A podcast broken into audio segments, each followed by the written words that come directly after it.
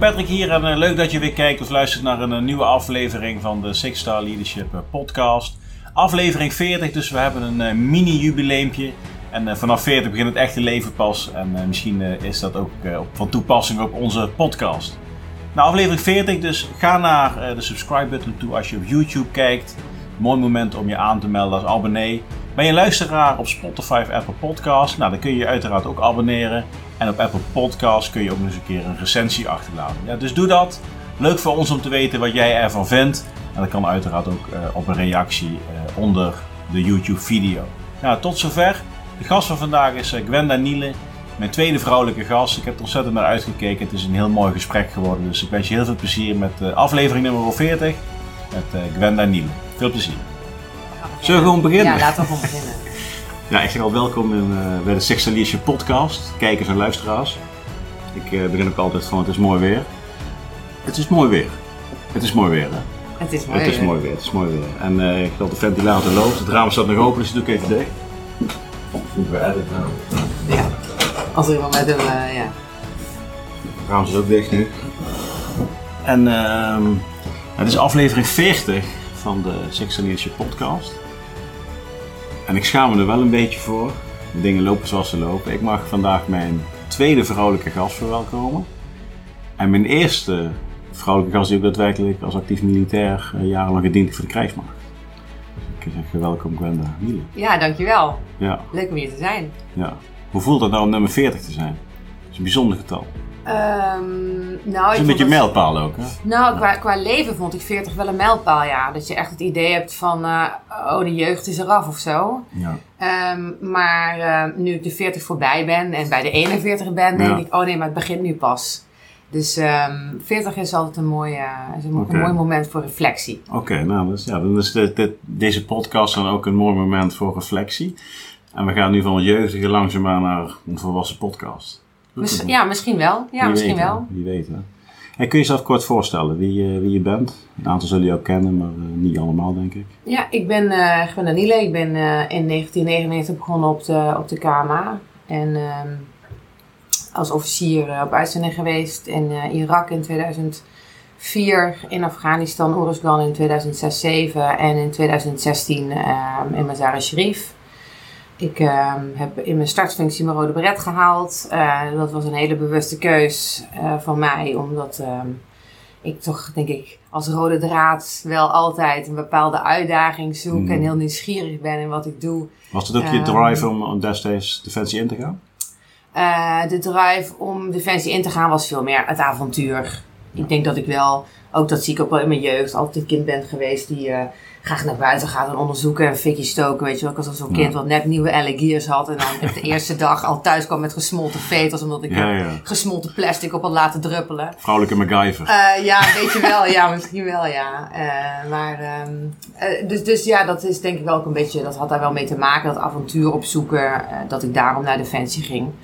En um, ja, dus ik heb verschillende functies gedraaid. En um, ik ben in 2011 ben ik sociologie gaan studeren.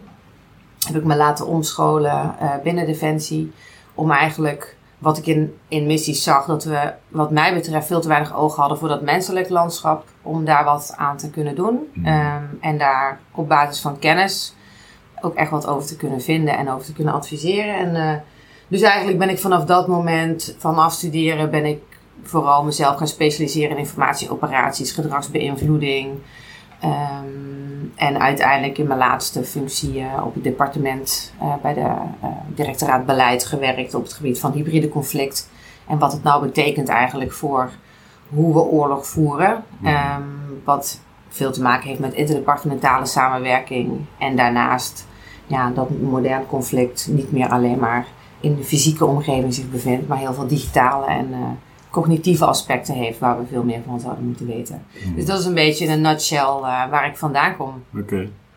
Oké, okay, en hoe, hoe, heb jij, je zegt heel veel even in, ja. de, in de intro, dus dat is, dat is, goed, maar een aantal dingen om eruit te pakken. Uh, um, je bent sociologie gaan studeren. Ja. Uh, en, en, dat is eventjes even plat gezegd. je, je, je, je bekijkt en je analyseert gedrag van mensen. En van daaruit ga jij met culturen en, en, en dingen aan de slag? Of Ja, bij de, in, in de sociologie kijk je heel erg naar wat mensen doen vanuit een sociale context. Mhm. En dus individu individuen vertonen gedrag, maar een heel groot deel van dat gedrag komt vanuit de sociale context waarin ze zitten, onder andere hun cultuur. Mhm. En als je dat bekijkt vanuit meer, zeg maar, eh, eh, culturen die niet de jouwe zijn, dan, dan, dan zou je eerder antropologie willen studeren, maar dat zat niet in het lijstje. Eh, dus het, werd, het was sociologie. En ik ben er achteraf ook heel, echt heel dankbaar voor dat ik dat heb mogen, eh, mogen studeren. Omdat je dan echt, ik ben echt daar wel heel erg veranderd. Ik ben heel erg anders naar de wereld gaan kijken. Waarin ik voorheen toch veel meer het idee had van iedereen kan worden wat hij wil. En eh, als je maar genoeg motivatie en drive hebt. Ja, kwam ik daar in aanraking met woorden als sociale constructen. En je bepaalt eigenlijk met z'n allen wat waar is. Ehm, eh, en met sociale reproductie, dat als jouw ouders niet goed de Nederlandse taal beheersen en jou niet voorlezen vanaf dat je klein bent, kom je eigenlijk al met een taalachterstand ten opzichte van andere kinderen op de kleuterschool. Wat heel moeilijk is in te halen bijvoorbeeld. Ehm, dus, dus al dit soort aspecten over identiteit, over gender, ehm, waar ik altijd dacht, nou je hebt gewoon jongens en meisjes, kwam daar ineens een theorieles over. Nee, het is een heel spectrum. En dat ik dacht, oké, nooit geweten. Dus het heeft me op heel veel manieren heel erg geholpen om ehm, nou ja, op een andere manier naar de wereld te kijken en, en de mensen die, daar, eh, die zich daarin begeven. Ja. En hoe, hoe was jij eh, als officier dan voor de studie en na de studie? Is, is dat iets waar je altijd al wel met interesse naar gekeken hebt? Ehm, ik heb me voor mijn studie vooral verwonderd, denk ik. Mhm. Ehm, het is wel zo dat ik voordat ik naar de Kamer... waarover? Over eh, hoe we de dingen doen die we doen. En met name dus vanuit mijn missies in, in Irak en Afghanistan. Dat ik het gewoon heel verwonderlijk vond dat wij met ons westerse blik en onze westerse slagkracht eh, en ons beeld van vooral Mhm. ehm, de Tweede Wereldoorlog en wat we daar dan van weten. ehm, gewoon naar een land gaan waar we eigenlijk niks van weten. En voor jullie probleem hebben wij een oplossing. En dat doen wij zo. En als jullie misschien een beetje net zo goed worden als wij, dan komt het vast wel goed hier. En ik, ik vond dat, ik verbaas me daar gewoon Je over. positioneert je al als dominant. Ja, dat, maar ook doordat je die ander eigenlijk helemaal niet kent en wat hij nodig heeft. En ehm, dat wat voor ons werkt, zou dan ook voor hen moeten werken. En dat, dat, dat verbaasde ik me gewoon heel erg over. En dat bijvoorbeeld ook heel bazaal bepaalde lessen werden gegeven aan, aan Irakezen. En ik zag gewoon, ze zaten alleen maar ja te knikken, maar ze staken er niks van op. Eh, en dat ja, nee, maar dit is nou eenmaal hoe zo'n les in elkaar zit. En ja, dat vond ik gewoon heel interessant. Dus Ja. ik denk dat ik me van tevoren meer heb verwonderd. Maar dat ik vooral ook heel erg bezig was met in het systeem te passen. En dus dat is natuurlijk wat we doen in een militaire organisatie. Wat we helaas ook vaak zeggen is je moet mensen eerst afbreken en dan kan je ze opbouwen. Ehm, maar eigenlijk wat je mensen afneemt is hun authenticiteit. Wat ze uiteindelijk nodig zullen hebben om een effectief leider te kunnen zijn. Ehm, en dat is mij ook gebeurd in die zin. Hè. Je wordt gewoon heel duidelijk van dit is hoe we het doen, dit is wat je aan moet, dit is hoe we plannen, dit is, zijn al onze SOP's, dit is alle, nou ja, weet je wel. Dus dat is aan de ene kant heel fijn, want het maakt het heel makkelijk. Je hoeft zelf heel weinig na te denken. Ehm, maar ik ben de eerste tien jaar wel gewoon heel erg goed geweest in dat doen wat van mij werd gevraagd. Ehm, en ehm, eh, ja, ik denk dat ik gewoon een hele goede officier was. Een, een aangeleerd. Ik was gewoon een heel goede aangeleerde officier. En na die studie heb ik echt wel veel meer mijn eigen manier gevonden van wat vind ik belangrijk en hoe kan ik daarin bijdragen aan een betere organisatie. Ehm, andere mensen helpen op hun persoonlijke leiderschapsontwikkeling. En gewoon met z'n allen zorgen dat we A. de juiste dingen doen, daar blij van worden. ehm, en, ehm, en, en daarvoor gewoon ook dicht bij onszelf kunnen blijven. Zonder iemand te hoeven spelen die we niet zijn. Want dat is uiteindelijk niet, niet, ja, niet houdbaar. Daar, kwam ik dus, daar liep ik dus zelf tegenaan ook. Dat het gewoon niet meer goed voelde op een bepaalde manier. Ja. Ja. Vorige gast Peter van Hem, daar hebben we het natuurlijk eh, net ook even kort over gehad. Die beschrijft dus letterlijk wat jij zegt. Van nou, ik kom van thuis uit als Pe- Petertje van Hem, zoals hij dat zegt, Ja. op de kamer. En op een gegeven moment komt hij erachter, waar ben ik mezelf verloren? Door helemaal Ja. op te gaan in het systeem. Dus hij heeft gezegd, dat- gelukkig ben ik mensen op mijn pad tegengekomen die mij weer geholpen hebben om weer dicht bij mezelf te blijven. Ja. Als je dus niet dat geluk hebt of je, of je hebt zelf uh, het inzicht dat je gewoon uiteindelijk authentiek moet blijven bij je identiteit, dan ga je dus helemaal op in een systeem. Maar ja, mijn, mijn geluk was in die zin die studie. Ja. Want zonder die studie, waarin mij gewoon theoretische handvaten en modellen en concepten werden geboden over hoe identiteit bijvoorbeeld tot stand komt, dat ik ging denken: ja, maar ik ben ook een product van mijn persoonlijke geschiedenis. Maar wie ben ik zelf dan? En ik vond dat ook wel een heel moeilijk proces. En wat het dubbel moeilijk maakt, is omdat je in je militaire opleiding heel erg wordt aangeleerd om vooral ook vanuit je ratio te redeneren. En, en dingetjes als kous en emotie kun je uitschakelen, waarmee je eigenlijk impliciet aangeeft: emotie is niet iets wat we heel erg op prijs stellen. Dat is enorm ondergewaardeerd, vind ik. Uh, maar mensen worden dus heel erg uh, best wel hard gemaakt en heel erg rationeel. Um, maar je hebt juist die emotionele kant nodig om uiteindelijk te kunnen reflecteren op wie je bent en wie je wil zijn en wat je belangrijk vindt en waar je gelukkig van wordt. En hoe je dat dan kunt vertalen in je werk naar nou ja, dingen doen die, um, ja, die, die belangrijk zijn, die een impact hebben waar je achter staat of zo. En je dus een betere deelnemer van een team wordt. Ja, zeker. Uiteindelijk doen. Ja, ja. absoluut. Van een, betere, een betere werknemer in het perspectief van de organisatie, een betere collega in je team, maar ook gewoon een gelukkiger persoon, denk ik. Mhm. Dus uh, dat werkt op al die levels, uh, ja. is dat een positief effect. Ja. Jij, bent een van de eerste vrouwelijke officieren, maar ook volgens mij bij Luchtmobiel geweest. Uh, ja, er zijn een aantal mee voorgegaan, maar... Ja, het is geen zak vol, zullen we zeggen. Nee. Ik herinner me nog, ik ben er 97 opgekomen, dat jij op een gegeven moment ook best wel vaak met interviews en blaadjes. Ja. Uh, is, is dat ook zeg maar een soort van twee sporen in je carrière geweest om ook als een, ja, een, een voorbeeld voor vrouwen in de maatschappij om ook naar Defensie te komen, maar ook gewoon aan Nederland te laten zien dat je als vrouw zijn binnen Defensie uh, goede carrières kunt maken? Ja, dat is best wel dubbel. Um, want aan de ene kant zeker in het begin van je carrière wil je eigenlijk niet opvallen. Want je weet al, er wordt heel erg gelet op vrouwen. En je moet je gewoon meer bewijzen dan een man om um, geaccepteerd te worden voor je kwaliteiten. Je begint standaard, um, dat was in ieder geval mijn gevoel altijd, uh, met 1-0 achterstand ten opzichte van een man. En dan moest je wel even extra dat laten zien. Dus er lag al best wel veel druk op. Dus het was het was ook wel ingewikkeld om dan juist in die kijker te staan. Want dan denk je, ja, weet je wel, dan vindt iedereen er weer wat van.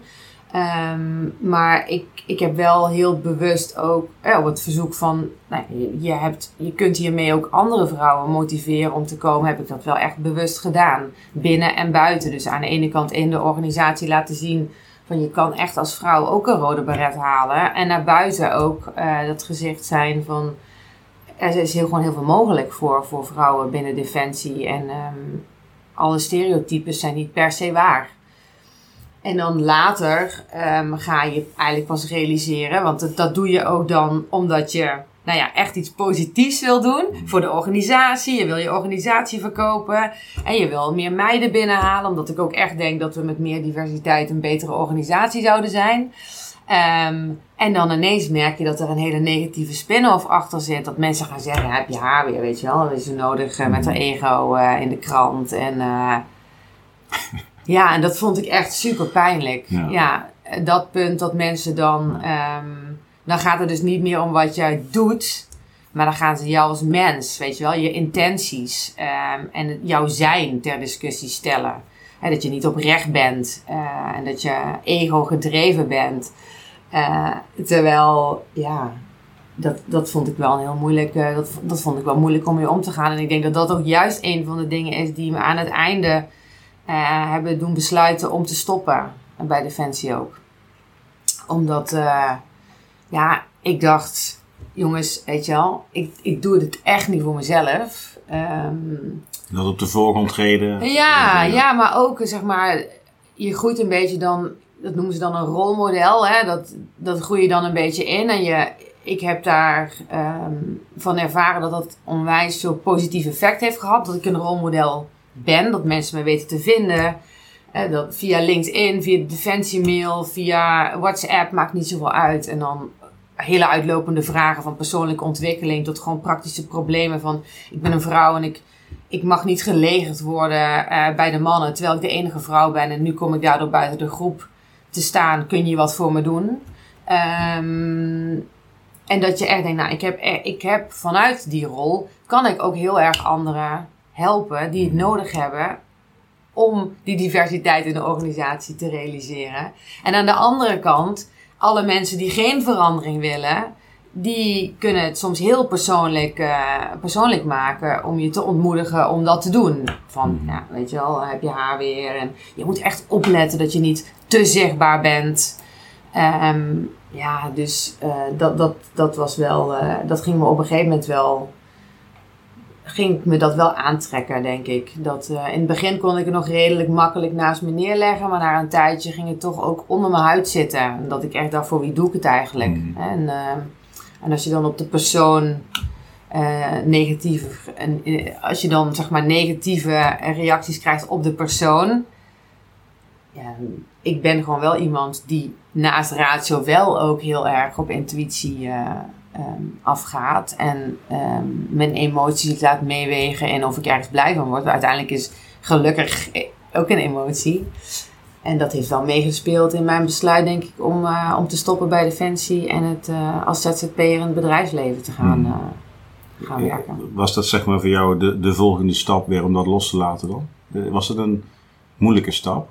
Want je, je, je stopt natuurlijk ook als een soort van boegbeeld en vraagbaak voor. Ja, ja. Nee, dat, dat, is dus, dat was dus ook het moeilijke eraan. Dat, ik denk dat ik, uh, ik ben in 2018 uh, begonnen als ZZP'er. Mm -hmm. En gewoon wat erbij. Dus dat heb ik toen gewoon gemeld bij Defensie. En ben ik gewoon wat losse opdrachten gaan doen. Omdat ik dacht, inhoudelijk vind ik mijn werk soms zo zwaar. Omdat je probeert een organisatie te veranderen. Uh, om ze niet alleen in dat fysieke domein te laten denken, maar vooral ook dat te laten integreren met alles wat er virtueel en cognitief belangrijk is. Um, maar als je wil veranderen, krijg je automatisch weerstand en dat is ook prima. Alleen ik ben toen wel echt bewust gaan zoeken naar gewoon losse opdrachten die gewoon alleen maar leuk zijn. Ja. Gewoon even lekker makkelijk, leuk ergens een keynote doen over leiderschap ja. met allemaal mensen die geïnteresseerd zijn. En dan had ik dan weer een boost en dan kon ik ook weer even lekker in bij ja. Defensie weer. Dus dat heb ik een, vanaf. Maar even één toevoegen: geïnteresseerd zijn wil niet zeggen dat je het eens bent. Nee, nee, nee. Maar dat is het mooie niet, dus inderdaad. Kijk, als je. Uh, je kunt geïnteresseerd zijn in iets door er zelf van te willen leren. Ja. En doe ermee wat je wil. Je kunt ook gewoon luisteren om het niet eens te zijn. Ja. En op, op voorhand al er iets van vinden. Je kunt ook inderdaad ja. gewoon niet luisteren. En ja. gewoon inderdaad zeggen, ik vind het gewoon shit. Ja. Um, en want ik vind juist die inhoudelijke discussies altijd super leuk. Mm -hmm. Maar ik denk dus in 2018 dat ik al... Um, en dat ik al ging vastlopen in de organisatie. En dat ik al merkte van misschien kost het me meer energie dan dat het me oplevert. Maar ik vind het zo belangrijk. Dan ga ik kijken of ik ergens anders nog mijn energie kan opplussen. Zodat ik wel de energie blijf houden omdat dit zo belangrijk is.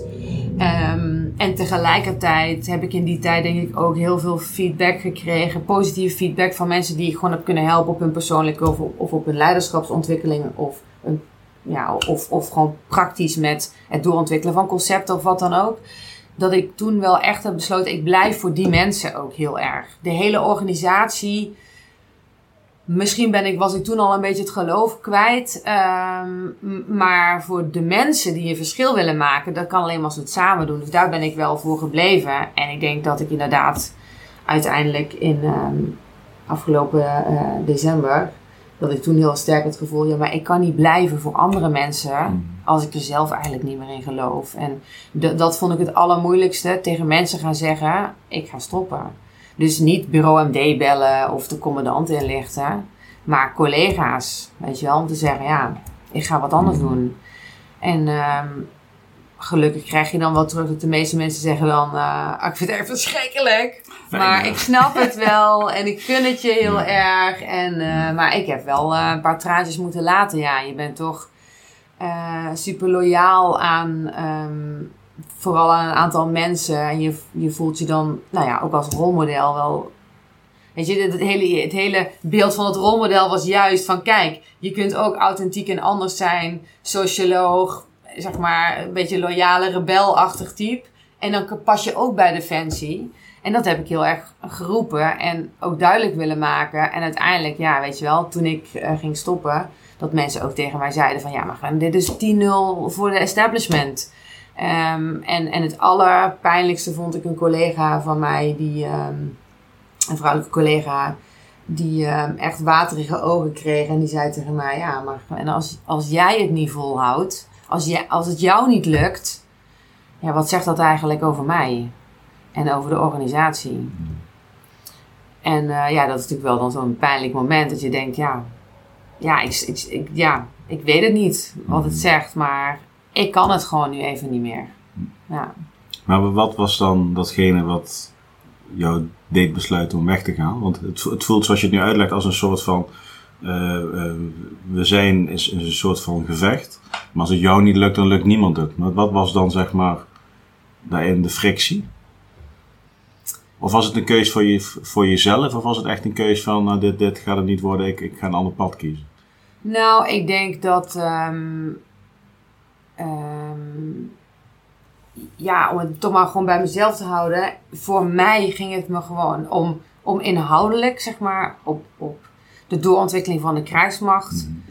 Um, de verandering te zien waarvan ik denk dat die nodig is om, uh, om tot een duurzame krijgsmacht te komen. Uh, die effectieve, die gewoon een verschil kan maken voor, voor mensen um, op, op het gebied van veiligheid moesten echt dingen veranderen. En je, ik zag echt wel dat er steeds meer draagvlak ook voor dit soort ideeën was. Maar het ging zo langzaam en we moesten er zo hard voor vechten elke keer om maar weer ergens aan tafel te mogen zitten en, en te kunnen discussiëren op inhoud. Zonder vooraf al gelijk van ja, dit is, dit is, dit is onzin.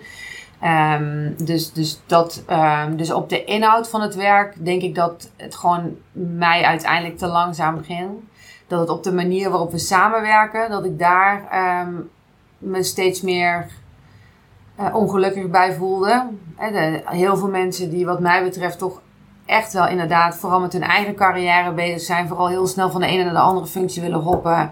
Um, helemaal niet echt bezig zijn met het belang van de mensen waar ze mee samenwerken. Maar vooral vanuit hun eigen belang. Um, en dat ik toch ook na al die jaren nog steeds zoveel ongelijkheid wel om me heen zie. Uh, in seksisme en discriminatie. En uh, dat, dat ook uh, steeds op de agenda staat van nou ja, diversiteit en inclusie, daar, daar gaan we wat mee doen. Maar er gebeurde gewoon in feite mm-hmm. niks. Um, en, en ik zat dan aan de achterkant dat proberen een soort van op te lossen met mensen die dan niet in het malletje pasten. Van introverte mannen tot gewoon um, vrouwen die echt tegen dingen aanlopen. Gewoon letterlijk tegen wordt gezegd: ja, luister, als een man een 5,5 scoort in de infanterie VTO, ja, dat is voldoende. Dat zie ik als een 5,6. Maar als een vrouw een 5,5 scoort, ja, is dat gewoon een 5,4 of minder. Vrouwen moeten gewoon meer hun best doen om de opleiding te halen. En dan denk ik, ja, anno 2021. Hm. Eh, dat kan niet meer. Ja, ja. Wat, wat, wat, ik heb gewoon even een break nodig. Dus ik heb wel ook duidelijk aangegeven dat ik ben, ik voel me nog steeds loyaal. Want ondanks dat ik uh, nu uh, in het bedrijfsleven werk, heb ik vorige week ook gewoon een brainstorm sessie nog meegedaan over hoe kunnen we nou dat menselijk perspectief centrale zetten. Dit ging dan in, over SOF-operaties. En ik wil het ook graag blijven doen. En ik, als ik, uh, ik, ik ga, wil ook graag als reservist straks um, aan de slag. Dus die loyaliteit is er wel, maar ik kon het gewoon nu even niet meer opbrengen om in dat systeem uh, te overleven. Ja. Want ik zag gewoon aankomen dat ik uh, daarop de leeg zou lopen. Ja, dat vond ik gewoon wel heel zonde. Ja. En wat, wat is nu de stap die je nu gezet hebt? Ligt, ligt dat in lijn met wat je deed bij de Defensie? Uh, ja, wat ik nu doe is, uh, ik werk, uh, dus ik ben ZZP'er, en, maar ik, heb, ik doe nu vooral een, een, een, grote opdracht bij een bedrijf wat desinformatie bestrijdt online. Um, en dus zij zijn ook gedreven doordat zij... De is dat de Drog? Drog, ja. Dat is een bedrijf waar je ja, nu... Ja, bedrijf, sorry, een bedrijf heet Drog. Die hebben jou ingehuurd nu? Ja. Oké, okay, dus ja. niet, is niet jouw bedrijf? Nee, okay, nee dat is een bedrijf waar ik nu werk. En um, daar ben ik binnengekomen omdat zij willen ook de wereld veiliger maken dan met name online. Uh, en vanuit mijn laatste functie bij Defensie op het gebied van uh, statelijke dreiging en hybride conflict is desinformatie en gedragsbeïnvloeding een belangrijk aspect daarvan. En um, uh, dus zij hebben toen mij gevraagd: wil je ons team komen versterken? Het is een start-up met allerlei initiatieven om aan de ene kant mensen weerbaarder te maken en aan de andere kant de dreiging van, van desinformatie aan te pakken op maatschappelijke thema's. En, ehm, en wat ik nu doe is vooral de operationele uh, aansturing van, van het bedrijf. Want hoewel ik binnenkwam met, nou kijk maar even waar je, uh, waar je gaat passen, was ik binnen twee weken in de operational lead. omdat je dan toch merkt dat, weet je wel, na al die jaren defensie um, is leiding geven eigenlijk zo gewoon. Um, maar dan kom je er daarachter dat het zo natuurlijk gaat dat je heel snel, um, nou ja, maakt niet zo heel veel uit op welk thema of onderwerp het gaat, maar dat je heel snel mensen kunt helpen om uh, nou ja, operationele stappen te zetten. Mm van, um, hoe gaan we de tent draaien? En zeker bij een start-up, die natuurlijk vooral heel erg geënt zijn op exploreren, experimenteren, nieuwe ideeën bedenken. En dat past heel erg bij mij, omdat ik was, dat deed ik ook vooral bij Defensie, hè, met nieuwe ideeën komen en het, het, experimenteren en dingen veranderen. En, eh, maar dat ik dan toch voldoende, nou ja, bij, bij een organisatie als Defensie uh, voldoende ben opgeleid en ervaring heb met het aanbrengen van structuur en focus en uh, het samenwerken. Dat je dat heel natuurlijk dan in zo'n organisatie dan bij elkaar kunt brengen op het moment dat dat nodig is. Als ze de stap willen maken van start-up naar scale-up naar business development. Mm. En, uh, en ondanks dat ik nog nooit een bedrijf heb gebouwd, gaan we nu dus een, een nieuw bedrijf bouwen ook. En uh, ja, dat voelt helemaal niet raar of zo. Nee, Maar dat komt wel omdat ik dus al die ervaring bij Defensie heb mogen opbouwen. En daar ben ik ook echt mega ja. dankbaar voor. Maar wat was zijn dan typische leiderschapsaspecten die je nu nog steeds meedraagt? Waarin je nu de, de succesvol bent in wat je doet? Um, aan de ene kant zijn het gewoon praktische dingen, doordat je gewoon heel vaak plannen hebt moeten maken, die een tijd weg hebt moeten zetten met doelstellingen. Um, en mensen daar gewoon concreet in helpen van, nou ja, zien van, oké, wat heb je nodig? Dus dat je, um, dat je daardoor heel effectief kunt leiding geven eigenlijk, uh, op het inzetten van je mensen en je middelen.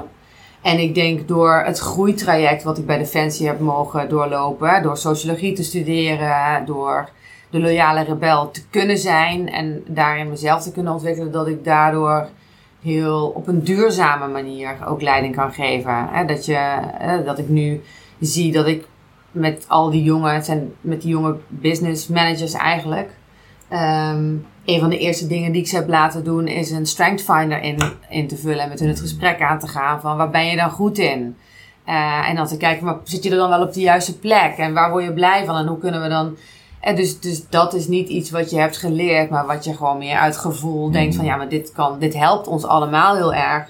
En ook omdat ik um, ja, dan ook zie hoe mensen opbloeien als je daar met iemand mee bezig bent. Hè, met gesprekken over hoe, hoe, waar wil je jezelf ontwikkelen en waar ben je goed in en wat wil je nog leren. En, en dat ook terug te koppelen met wat ik zie. En want dat is ook iets wat je alleen maar door ervaring kan. Dat je zoveel mensen hebt zien leiding geven uh, onder je en, en ook boven je. Um, want ik heb natuurlijk ook mijn voorbeelden, um, goede en slechte. En daar heb ik ook weer van geleerd. En dat kan ik ook weer spiegelen op wat zij aan het doen zijn. Dus um, ja, dan zie je wel dat de, de, de, praktische, de tools die je hebt geleerd in combinatie met de ervaring die je hebt, me nu heel erg helpen om op een hele natuurlijke en eigen manier met hen om te kunnen gaan. En, uh, en dat je daar ook meteen positieve feedback van krijgt. Ja, dat is onwijs leuk. Maar wat is een voorbeeld voor jou geweest in positieve zin? Um, in positieve zin, wat is een voorbeeld voor mij geweest? Um, wie, wie of wat?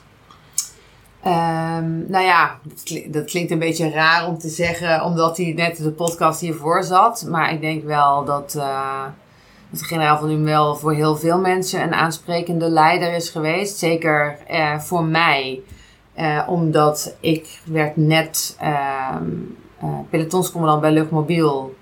Um, en toen was hij al generaal, dus heel zichtbaar voor iedereen. Um, dus ik denk, ik denk dat, dat, dat, dat dat toen een voorbeeld was waar ik me heel erg in kon vinden. En zijn broer was toen brigadecommandant. Mm dus daar heb ik toen ook nog wel even contact mee gehad. Uh, toen ik natuurlijk mijn rode beret had gehaald. Want ja. Dan, ja, dat is dan, dat, dat is ook. Aan de ene kant wordt er veel meer op je gelet. Dus als je een fout maakt, heb je een interne arbeidsmarkt. Dus als je ooit een fout maakt, word je daar tot in, echt tot in de eeuwigheid mee achtervolgd.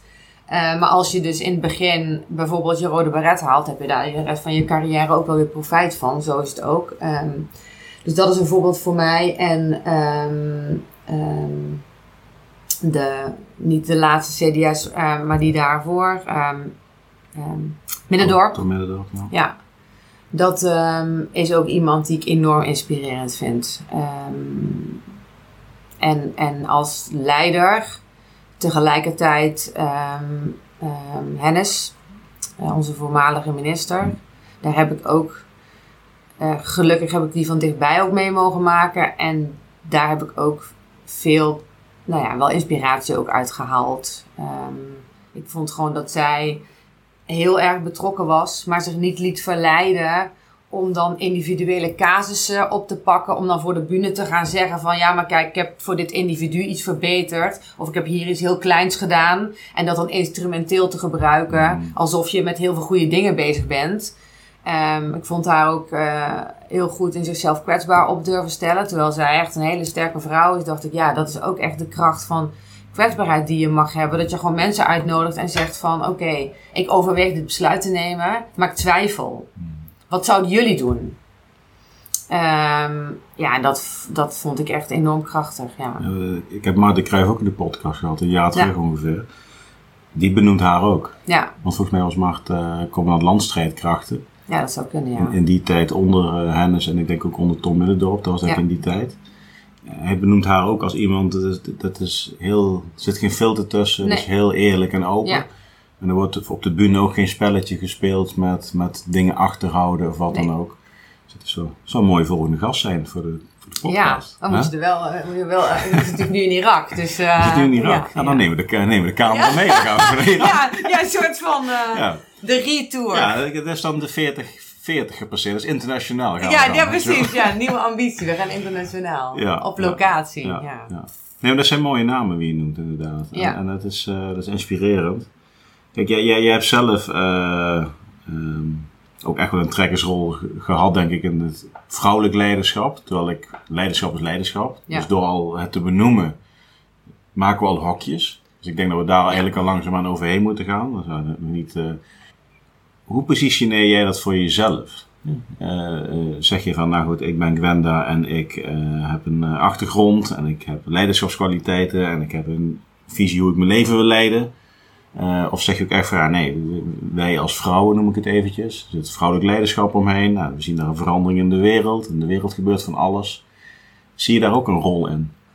Ja, ik, ik denk zelf niet dat er zoiets bestaat als vrouwelijk leiderschap. Um, maar ik denk wel dat vrouwen over het algemeen op een andere manier leiding geven dan mannen. En dat dat heel erg te maken heeft met hoe we van jongs af aan worden opgevoed.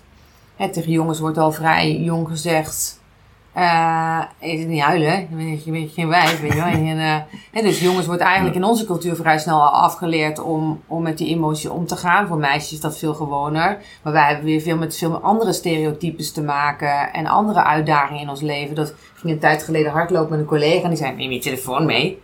Ik zit helemaal altijd met telefoon mee. Ja, hoezo kan je 1 en 2 bellen als je hartaanval krijgt? Dus net als ik een van een freak tegenkom, dan kan ik inderdaad iemand bellen, ja. Dit soort dingen heb ik echt, daar denk ik echt nooit over na.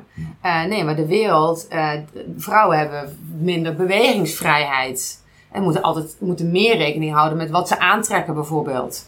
Uh, wat ze zeggen, um, of waar ze zijn op welk moment. En mannen kunnen makkelijker s'avonds alleen over straat. Mm. Vrouwen zijn nou eenmaal in grotere mate slachtoffer van, fysieke, van fysiek geweld, bijvoorbeeld. Dus dat maakt dat je op een andere manier naar de wereld kijkt en je anders uh, ja, je andere dingen leert. Um, maar je wel veel meer, dus denk ik, leert te denken in scenario's. Daar zijn vrouwen veel meer mee bezig de hele dag. Ja, de hele dag denken, of de hele dag denken van oké, okay, uh, wat denken anderen, wat doen anderen, wat betekent dat voor mij een rol? Dus als dat doorslaat, um, dan word je heel erg onzeker. Mm maar aan de andere kant leer je dus heel erg uh, om vanuit de ander ook te denken. En in scenario's van wat kan er gebeuren, wat ga ik dan doen. Dus ik denk ook dat, dat, dat het, het vrouw zijn en uh, in, in, in onze samenleving ja, ook dingen leert die mannen misschien van nature minder snel leren. Dus ik geloof niet dat er iets is als vrouwelijk leiderschap, maar ik denk wel dat vrouwen op een wat meer empathische manier over het algemeen uh, leiding geven en wat meer vanuit hun gut feeling uh, dan vooral ook ratio. En natuurlijk hebben we hele masculine vrouwelijke leiders en hele feminine mannelijke Mm. leiders. En, maar ik zou het heel mooi vinden als dat spectrum, eh, ehm, op dat spectrum, er wat meer mannen gewoon aan die feminine kant mogen zitten. Mm. En, en vrouwen niet per se gedwongen worden om aan de masculine kant te moeten zitten om als succesvol te worden gezien. Want dat zie je nog heel erg bij Defensie. Ehm, dat we toch nog wel, als we een wat is een goed leider omschrijven, dat het over het algemeen. Ik heb, ik heb samen met, eh, met Consultancy hebben op een gegeven moment een onderzoeksopdracht dat ging over gedrag naar leiderschap. En toen hebben we eigenlijk ehm, twee dingen tegen elkaar afgezet. Van wat zeggen mensen als je ze vraagt wat is een goed leider? En dan krijg je dus het beeld van het is een sterk iemand die voor de mensen staat, die daadkrachtig is, besluitvaardig, hele taakgerichte omschrijving krijg je dan. Dus dat is blijkbaar wat we met z'n allen zeggen dat we vinden. En als we in kwalitatieve eh, interviews gaan vragen aan mensen van nou, vertel eens even over de beste leidinggevende wat die je ooit hebt gehad. En wat deed diegene dan? Dus dan komen eigenlijk lieve man die... daar komen dus al die menselijke dingen juist heel erg naar voren. Ehm, en mensen zeggen natuurlijk wel hè, van eh, je moet operationeel kunnen functioneren, maar waar mensen echt eh, hun leidinggevende op onderscheiden van wat maakt nou echt een goede leidinggevende, dat ging veel vaker over de menselijkheid van, van een leidinggevende. Ehm, en als we dat nou zouden kunnen erkennen en vanaf het begin van het opleiden van onze leidinggevende ehm, eh, die authenticiteit mensen laten behouden en ze ook juist leren om hun intuïtie te gebruiken. In plaats van te zeggen, het is veel beter om het gewoon allemaal te Of rationaliseren. niet afleren. Oh ja, niet Nou, afleren. mee nee, dat met ja. name. Ja, Ja. niet Want afleren. je hebt ook, je hebt ook jonge kids. Ja. Ik bedoel, ik bedoel, 30 jaar terug leerden we ze datgene af wat we ze nu aan het aanleren zijn. Ja, zeker. Ja. Nee, Ja. nee, en daar beter gebruik van te maken. Hè. Dat als je buikpijn hebt, dan kun je daar heel impulsief op handelen. Eh, George Dimitriou, collega, oud-collega, die heeft daar een mooi artikel over geschreven. Als je buikpijn hebt, dan kun je denken, oh, ik heb buikpijn. Ik ga controlevragen stellen aan de mensen in mijn organisatie. Ja. Of je kunt denken, waar komt die buikpijn vandaan? Heeft dat te maken met mijn eigen onzekerheid? En als, wat doet het als ik nu controle ga vragen ga stellen aan mijn mensen? Of moet ik het maar gewoon even, de buikpijn gewoon, is dat gewoon, hoort dat bij de job, weet je wel? Ja. En is dat oké? Of gaat het erover of ik wel een goed besluit heb genomen? Ehm, De meeste antwoorden zitten in jezelf. en die zitten allemaal in Ja. jezelf. Maar wat, wat we vaak doen is als wij buikpijn hebben, dan gaan we dat extern proberen op te lossen. Ehm, waardoor je hele verkrampingen krijgt in je team of in je organisatie. Want mensen kunnen gewoon niet goed werken onder iemand die zijn eigen angsten continu projecteert. eh, en zijn eigen onzekerheid projecteert naar degene waar hij mee samenwerkt. En het is juist, denk ik, een kracht dat je kunt zeggen. En dat is wat Hennis dat deed. Ehm, eh, eh, het hele typische voorbeeld van, nou ja, ik eh, vind zelf eigenlijk dat er vrouwen bij de mariniers moeten komen. En dat was dan een, gesprek met een aantal vrouwen. Eh, wat vinden jullie? Eh, wat zijn de voor's en tegens? En waar gaan we dan, als ik dit ga zeggen, waar gaan we dan tegenaan lopen? Hè, welk, welk monster maak ik wakker? Ja. Eh, dus, ehm, eh, en ik denk dat dat juist ook de kracht is van een leidinggevende om soms te kunnen zeggen: Ik weet het niet. En, en zeker nu met het verloop van tijd, waarin we in een omgeving moeten opereren die complexer is. Dus er spelen steeds meer factoren mee. Hè. We hadden vroeger geen social media. Ehm, en beïnvloeding van menselijk gedrag was veel makkelijker of moeilijker met van, vanaf welk kant je het bekijkt. Maar je hebt nu veel meer tools. Maar Ehm, dat is wel interessant wat je zegt. Ja, dus, ja, dus het was, voorheen was het beïnvloeden makkelijker omdat er minder externe beïnvloeding was. Ja. Alleen tegenwoordig is beïnvloeden makkelijker. omdat je meer mogelijkheden iedereen hebt. kunt bereiken. Ja, Dus het ja, heeft, het ja, heeft- en je veel meer kennis hebt over het menselijk gedrag en de beïnvloed ervan. Maar goed, dus, dus nu zitten we in een periode waarin de omgeving complexer is. Dus er spelen meer factoren mee. En hij is dynamischer. Dus dingen veranderen sneller. De kans dat je nu een besluit neemt, wat over een maand nog steeds het juiste besluit is, is gewoon heel klein. En, en we leren mensen van, hé, hey, als ik een besluit heb genomen, sta ik erachter. En dan tot in de eeuwigheid blijf je dat verdedigen. Maar het is ook juist krachtig om te zeggen, is het eigenlijk nog wel het juiste besluit? Of als je een besluit wil nemen, kan ik het nog uitstellen? Want de omgeving verandert zo snel. Moet ik nu een besluit nemen? Of kan ik nog even twee weken extra nemen om, om nog wat meer basis te hebben voor het besluit? Of om nog wat meer aannames te testen? Want wij zijn heel erg gewend natuurlijk als militairen om aannames te doen in het proces. Maar die, we vergeten eigenlijk dat het aannames zijn. En dan in de Maar je zit, van... je zit niet bij een start-up. Ja, heel Je anders. bent nou iedere dag keuzes aan het maken, actie, Ja. evalueren, doorgaan. Ja, En, en Ja. degene die daar het sterkste is, is de winnaar van Ja. de markt, zal ik maar even zeker. zeggen. Nee, dat zie je dus heel erg. Je moet continu dus... eh, je hebt een concept gemaakt, ga je testen, kom je achter... Oh nee, wacht. Ja. Het zit toch iets anders. Of hey, er is iets veranderd. Of er komt een andere speler op de markt die dat ook doet. Maar dan denk je, nou, maar ik kan het beter. Maar wat kan je dan beter? En dan moet je soms snel handelen. Want Ja. je hebt een idee, dat heb je misschien op de plank liggen. En ik denk, je, maar dit is het moment. Ja. Eh, en het is allemaal eh, post-funded. En dus je moet eh, eerst je idee hebben en Wordt het er uitwerken. Nee, er wordt weinig verdiend. Nee, echt niet. En het zit hem heel erg in het geloof, een goed concept hebben. En dan op het moment dat je een project kunt draaien. Ja, de eerste keer is allemaal houtje touwtje. Ja. En je moet daar dus superveel van leren. Eh, want als je het niet doet, dan, ja, Ja. dan is het eh, einde verhaal natuurlijk. Ja. En eh, dus, dus dat willen leren, dat veranderen, dat nieuwsgierig, dat experimenteren, dat continu tegen elkaar kunnen zeggen van... hebben we het juiste gedaan? Kan het beter? Kan het scherper? Maar ook gewoon kunnen zeggen, ja, we hebben hier heel veel tijd en energie in gestoken. Gaan die werken? Zo, flush, Niet meer over hebben, door. Hebben het niet meer over, door. Ja. Eh, Want je verlies is dan niet datgene wat je al gedaan hebt, maar het verlies is dat je er te lang blijft, blijft hangen. ja, vaak wel, ja. Dat is uiteindelijk Ja. je verlies. Ja, Klaar is klaar, door. Ja, klaar is klaar, dan Ja. moet je door. Ja, maar ook daar heb je natuurlijk te maken met mensen. Hè? Dus op zo'n project zitten ook mensen. Ehm, en, eh, en ondanks dat het een start-up is en waar heel veel ZZP'ers werken, Mhm. wil dat niet zeggen dat ondanks dat je geen commitment hebt, dat je zo met mensen om wil gaan. En dan wil je ook niet mensen die zes maanden in een project hebben geïnvesteerd, die wel bepaalde potentie hebben, die wil je niet met het idee ook de play doorspoelen. Maar soms, ja, heb je gewoon even niks voor ze. Ehm, en ehm, ja, dat, dat, dat maakt ook wel dat leiderschap, ehm, dat ik daar ook weer van leer. Hè, van, dat is ook snel schakelen op leiderschap. Hoe ga je met mensen om op een, op een goede en eerlijke manier? Maar ja, die niet altijd, ja, dat kan wel heel pijnlijk zijn. Mm. Bij de fans natuurlijk, als je eh, niet tevreden bent over iemand, een functioneringsgesprek en een beoordelingsgesprek. En dan ga je een heel traject in. En dan na twee jaar zeggen ze, ja, dossier is te dun en dan blijft hij alsnog. Eh, maar ja, dit En is dan ga je uit elkaar en dan begint het spel ergens anders. Ja, en nu is het juist andersom. Er zijn misschien mensen waar je heel tevreden over bent, die je gewoon eh, met uh, move van een maand op straat moet zetten. Ja. En, nee, ik herken dat wel, ja. ja. en, en, en aan de ene kant, eh, dat weten die mensen ook. Ja. Maar als je dan toch al zes maanden samen met een project bezig bent en je vindt elkaar aardig en dat gaat goed en de samenwerking is stoppen. Die mensen hebben eh, bepaalde competenties die je dan gewoon even niet kan eh, gebruiken. Dat, ja, dan, eh, ja, dat leer ik ook wel heel veel van. Dus Mhm. ik, ik moet wel zeggen dat ik bij Defensie heb ik heel veel geleerd om gewoon zeg maar, een goede basis als leidinggevende te hebben en heel veel ervaring daarmee op te doen. Maar nu ik in een andere context zit, merk ik wel echt dat ik in een paar maanden heb ik, nou ja, ik heb al, laat ik zo zeggen, ik heb al in jaren niet meer zoveel geleerd als in de afgelopen twee maanden. Ja. Dan komt het met name door de intensiteit, waarin je met elkaar eh, en, de snelheid. Nee, dat komt gewoon omdat de omgeving heel anders is. Mhm. Echt van, van bureaucratische organisatie, publiek, naar een private start-up. Van een- Wat, wat, heeft, wat heeft je het meest verwonderd toen je de eerste keer een bedrijf binnenwandelde?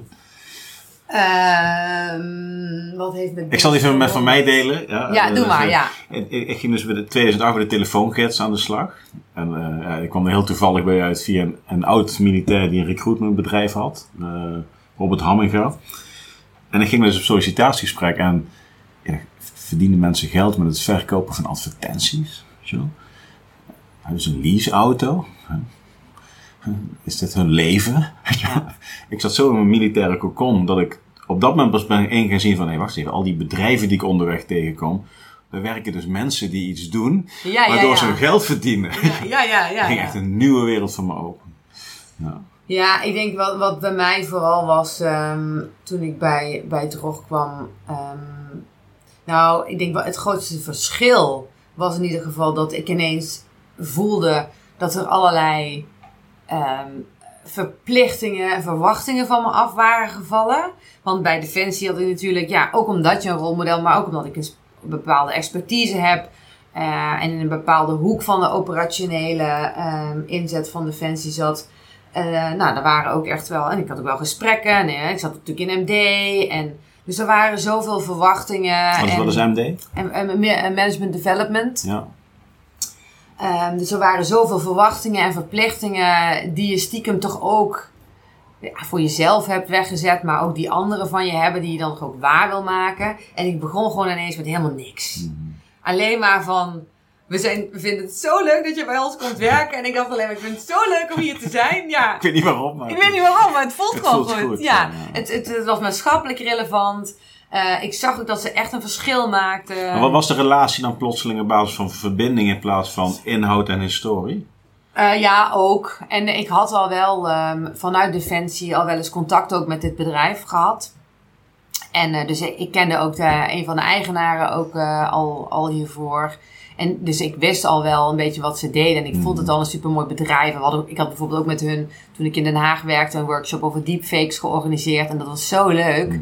Ehm, en inderdaad, wat jij zegt, dat ging dus heel erg over de inhoud. En dat meteen omzetten in een activiteit. Niet jarenlang papier maken en voor elke bedrag boven de 1250 euro eh 16 handtekeningen nodig hebben. Ja. Maar gewoon, we hebben een goed idee, we gaan het doen en eh, nou ja, het lukt of het lukt niet. En, ehm, en weer door. En ik denk dat, het, dat dat me gewoon heel erg verbaasd heeft. Ik wist natuurlijk wel dat het daar sneller ging. Maar hoe snel en makkelijk en hoe mensen met elkaar omgaan, hoe open het daar eigenlijk is. Want wij zeggen heel vaak tegen, bij Defensie wordt heel vaak gezegd, eh, ja, open en eerlijk met elkaar. Maar als er een organisatie is die niet open en eerlijk is, dan is het bij Defensie. Want mensen zeggen wel van, ah, we zeggen dan precies waar het op staat. Nou, dat gebeurt bijna nooit. Dat is een argument om af en toe iets lulligs tegen elkaar te kunnen zeggen. Hmm. Ehm, maar ehm, echt eerlijk, Nou, geen generaliseren wel, hè? Even- ja, natuurlijk. Nee, nee, nee, generaliseer. Maar wat ja. ik in het algemeen om me heen zie, Ja. is dat ik, dat ik dus nu waar ik in de, de sector waar ik nu zit, dus niet alleen het bedrijf waar ik zit, maar ook de bedrijven waar ik mee omga, dat ehm, ehm, mensen natuurlijk niet achter van hun tong zien bedrijfsmatig, Mhm. maar qua persoon, Ja. mensen zijn wel veel, en zeker binnen het bedrijf, veel meer open en toegankelijk en, ehm, en nieuwsgierig en creatief. En dat heeft ook met de sector te maken. Dan denk ik wel, ja, het kan wel Ja. anders. Ja, hè, ik, dat- ja, ik, ik herken dat. Kijk, ik heb bij een aantal, eh, het geluk gehad bij Defensie en bij een aantal teams te hebben gezeten waarin we echt wel heel erg close waren. En ook heel direct naar elkaar konden vertellen wat we voelden ja. en gedaan hadden om beter te worden. Nou, Ja. Als een noodzaak daar is, dan, Ja. dan doe je het wel en dan valt het alles op zijn plek. Maar over het algemeen is het natuurlijk een vrij stugge organisatie Ja. waarin je echt niet zomaar met iedereen een leuk gesprek hebt. Nee. Ja, dan kom je in het bedrijfsleven en dan zegt de directeur: Hé, hey, zal ik broodjes halen? Wie, wie, ik, weet je wel? Ja, ja, ja, ja. Ja dat is precies dat. Van, hey, zullen we naar beneden lopen? Dan gaan we Huh? voor lunch. Wat, Ik, krijg, eh, wat ja, krijg je van me? Nee, nee, we hebben een potje en dan Ja, betalen ja. Ja, eh, ja, ja, ja, precies dit, ja. Dat soort dingen. Dan was ik, oké, weet je wel. En dan, en vooral, ik merk het aan mezelf, van ik, ik had echt nog wel mijn, mijn militaire masker in het begin op. En die heb je dan wel zo snel mogelijk probeer die af te doen. Maar je hebt gewoon wat dingetjes ja, tot je genomen.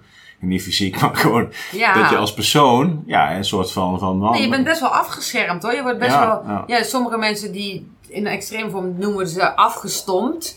Maar we zijn allemaal worden we een beetje afgestompt als we bij Defensie beginnen. En, eh, ehm, Maar als zijn- socioloog is dat een reet interessant om dan... Ja, dat is ook super. groepen naast elkaar zetten en kijken wat er gebeurt. Heel interessant. Hoe heb je daar naar gekeken? Eh, nou ja, wel heel erg dat ik me echt ging realiseren van er zit zoveel in, die, in, die, in, in, het, in de start van mensen bij ons bedrijf. Precies wat jij zegt. Leer ze nou bepaalde dingen niet af die ze authentiek maken of die ze, eh, zeg maar, de- dat ze bij hun eigen gevoel kunnen. Laat dat er gewoon zijn. Dat, dat, ja, en, en wat ik bijvoorbeeld eh, nu, nu pas weer ook was het, ging het over vrouwen die dan huilen. Dat kan niet? Nee, dat kan dus niet. En dat vind ik dan, dit soort eh onderwerp vind ik zo super interessant. Want een, een man dealt vaker met agressie op emotie. Dus die loopt naar zijn kamer en die slaat de PGU-kast in elkaar. Of Ja. die maakt iets anders kapot of die gaat schelden of zo. Maar die uiting hebben we met z'n allen geaccepteerd als, nou ja, dat is een, dat is een oké uiting van, van emotie. En een vrouw die dan bijvoorbeeld even moet huilen omdat ze gefrustreerd is of Dat is een teken van zwak. dat is een teken van zwakte. Terwijl het is op dezelfde manier een tijdelijke uiting van emotie.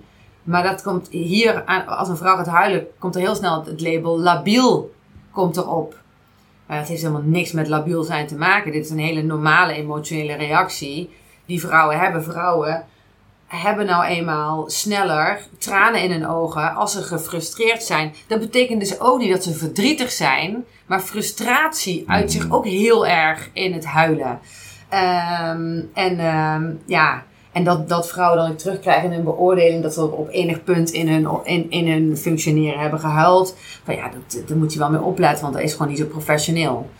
Uh, ja, dat vind ik wel echt moeilijk. Ja, dus dat is heel interessant, maar het is ook heel moeilijk. Wat kan je daar nou aan doen? Hè? Want degene die dit zegt, heeft helemaal niet door uh, dat, dat diegene op een verschillende manier emotie van mannen en vrouwen beoordeelt. En, uh, en die geeft dat dus ook een andere betekenis aan. Want dit is oké en dit is niet oké. Maar waarom? Weet je wel? Is dit schadelijk? Nee, het, het is, het is niet oké. Omdat het voor jou onbekend is en jij niet weet hoe je daarmee om moet gaan. Ik heb dit letterlijk gehad in een, in een, in een sollicitatiegesprek. Dat de kolonel mij vroeg van, uh, je vaak op je werk? En dat ik dacht, wat een aparte vraag. En normaal ben ik best wel als remmen bij de hand, maar ik wist gewoon niet zo goed wat ik moest zeggen. En toen zei hij ook letterlijk dat wat het probleem is. Ja, ik heb pas één keer met een vrouw gewerkt en die ging af en toe huilen en ik wist gewoon niet wat ik daarmee moest doen. Dus in plaats van dan bij jezelf na te gaan, oké, ik weet niet wat ik hiermee moet doen. Laat ik eens onderzoeken hoe ik hiermee om kan gaan. Nee, ga je dat afkeuren. En dan ga je zeggen, nee, dat is niet, ik vind het niet wenselijk, want ik weet niet hoe ik ermee om moet gaan. Ja. En, maar nou, nou, nou, nou, ga je wel al heel ver, hè? Ja. Voor iemand. Kijk, even mijn verklikken even te delen nu. Toen ik het leger uitging, werd ik al vrij snel leidinggevende. Mijn eerste vrouwelijke, mijn eerste manager in het bedrijfsleven was een vrouw. was Harriet. En, en, en ik zat een week daar op kantoor. Uh, en die zei, Patrick, je moet wat meer lachen.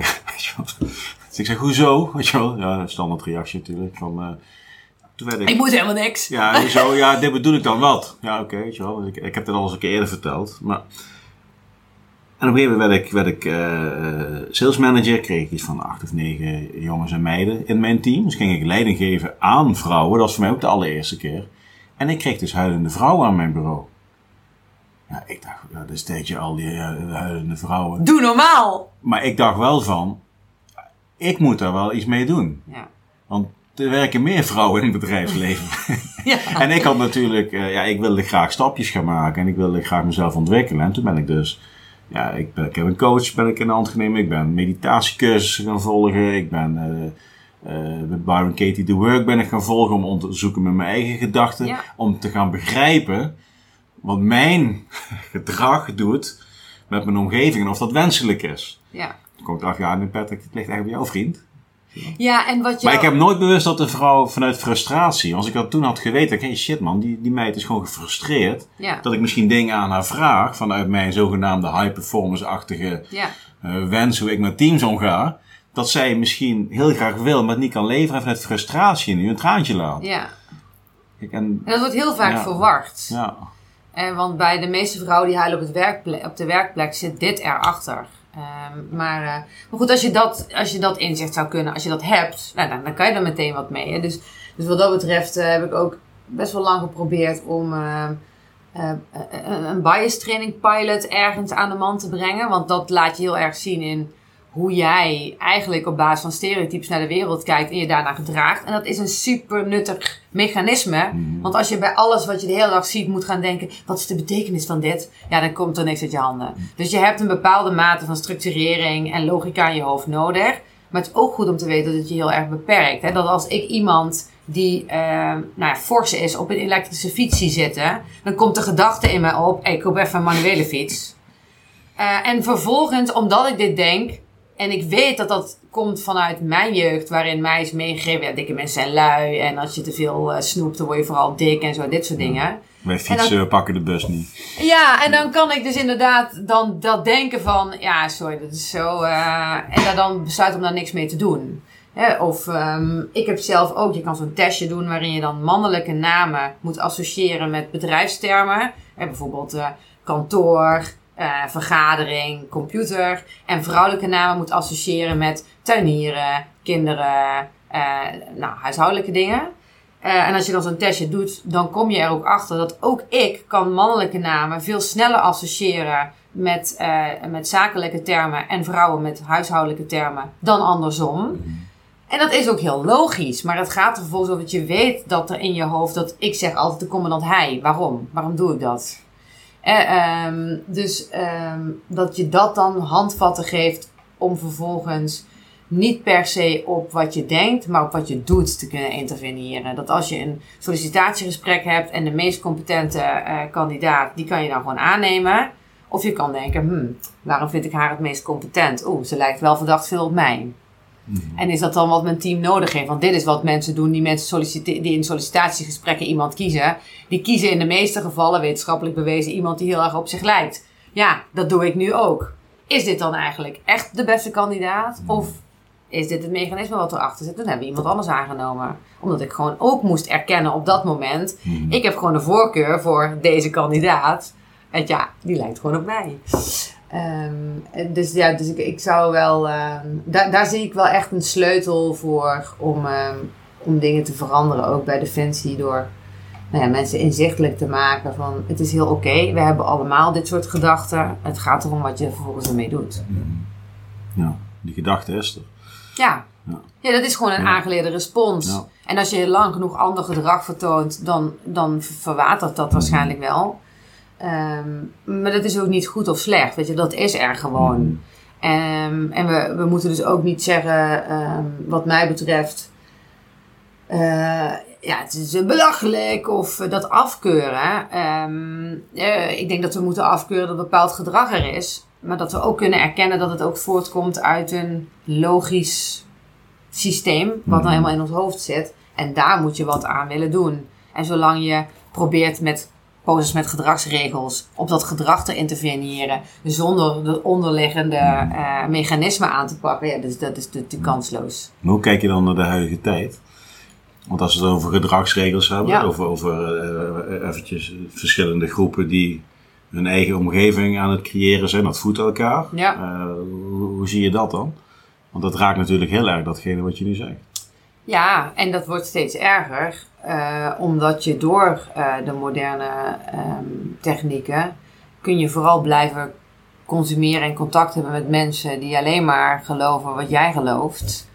Um, en precies doen wat jij ook doet. Um, en je kunt je best wel goed afsluiten voor het andere geluid. Je ziet bijvoorbeeld ook dat mensen die meer discrimineren of uh, harder discrimineren, uh, dat zijn vaak mensen die juist minder contact hebben met minderheden. Mm-hmm. Um, en, en zo, als we daar ook niet wat aan gaan doen, uh, nou ja, gewoon in, in, in brede zin, maar ook binnen organisaties, door mensen wel met elkaar ook in contact te laten blijven zijn, dan krijg je ook allerlei subgroepen in je organisatie, ben ik bang.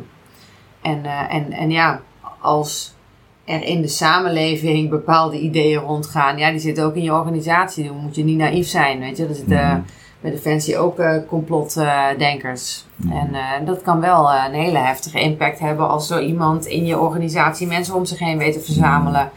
En, um, en, en, daar kun je maar één ding doen, hartiger optreden. Mm. En dat, dat mis ik denk ik ook nog wel eens. En dat um, als, uh, ik vind het fantastisch uh, wat Dr. Mo op Instagram uh, zet bijvoorbeeld. dat hij laat zien dat je en heel professioneel arts kunt zijn um, um, binnen de landmacht. Maar ook je mag uiten als jezelf. Mm -hmm. en op allerlei thema's. Van seksualiteit tot gelijkheid en discriminatie. En daar wordt soms heel lelijk op gereageerd. En Mm. ik vind het dan jammer dat niet iemand uit de top dan voor diegene gaat staan. Want het is heel makkelijk om, uh, Mhm. om mensen aan te spreken. Op, uh, zo gaan wij niet om met mensen die zich authentiek durven te uiten. Want uh, Dr. Mo moet een behoorlijke, die heeft een behoorlijke dik, dikke huid, maar dat zou niet zo moeten zijn. Ja. He, she, him. Ja. Heeft hij erbij staan, ja. Ja. Ja. maar hij heeft hele mooie posts altijd en ik, en ik lees ze ook bijna allemaal. Maar, maar dat is wel een voorbeeld, denk ik. Kijk, complotdenkers. Uh, wie, wat is dan de complotdenker? Ja, ja, ja. Nee, dus dat, dat, dan ga je eigenlijk al een soort van. En dat is geen goed of fout erin, maar je ziet nu ook dat. Uh, je ziet dat wereldwijd gebeuren. Ja. Je ziet nou weer landen met elkaar samen om uiteindelijk daar weer een blok te vormen tegen die.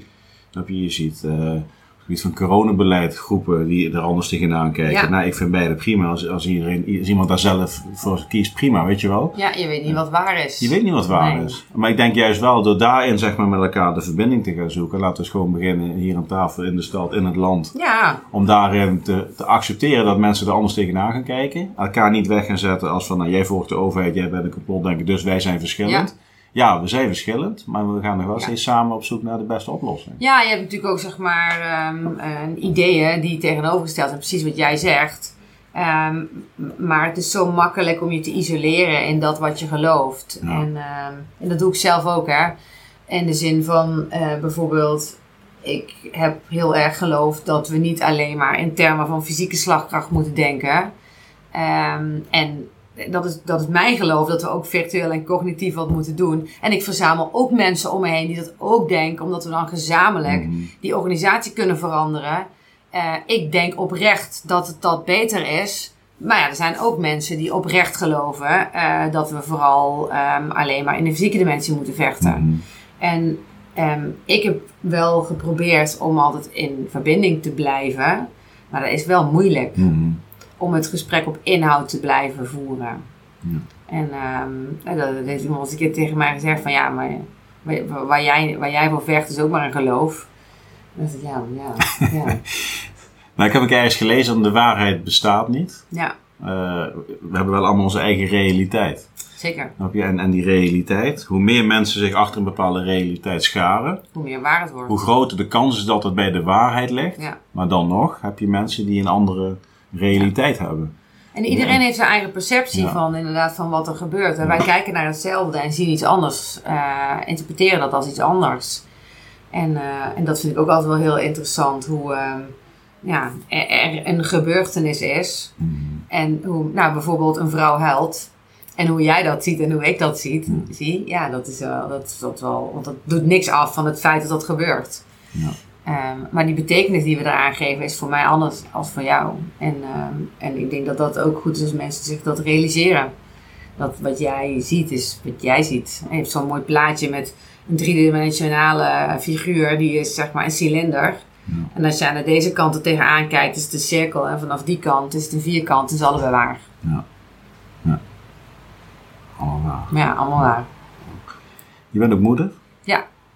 Ook al, ja, ook al tijdens je defensieperiode. Eh, dus je was eh, een vrouwelijk leider.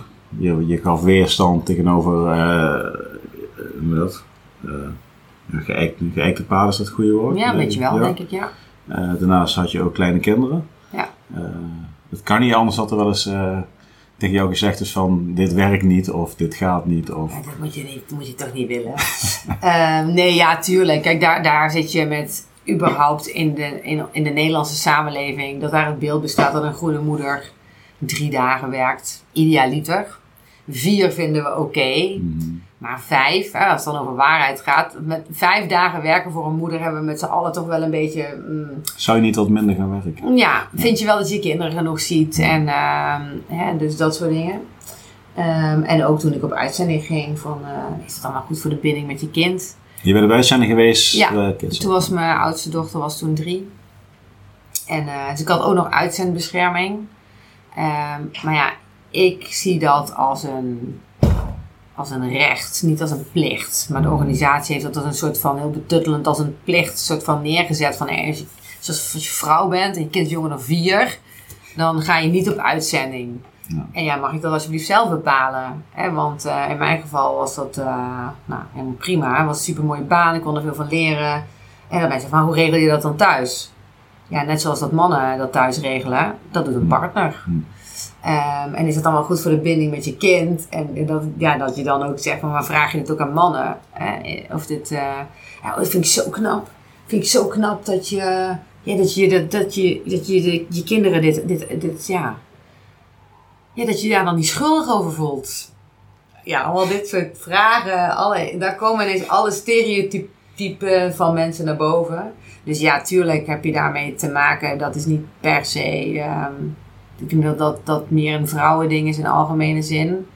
Ehm, en bij Defensie dan nog wat extra dik aangezet, omdat er gewoon heel weinig voorbeelden zijn. Er zijn gewoon heel weinig vrouwen met jonge kinderen die op uitzending gaan. Terwijl er heel veel mannen met jonge kinderen zijn die op uitzending gaan. En dat vinden we dan heel normaal. Maar als een Mhm. vrouw het doet, dan komt toch dat, dat beeld naar boven. Dat we toch vinden dat moeders en anderen een rol naar hun kinderen zouden Mhm. moeten hebben dan vaders. En eh, ja, daar ben ik het niet mee eens. Ik vind het ook een beetje denigreren naar de vaders toe.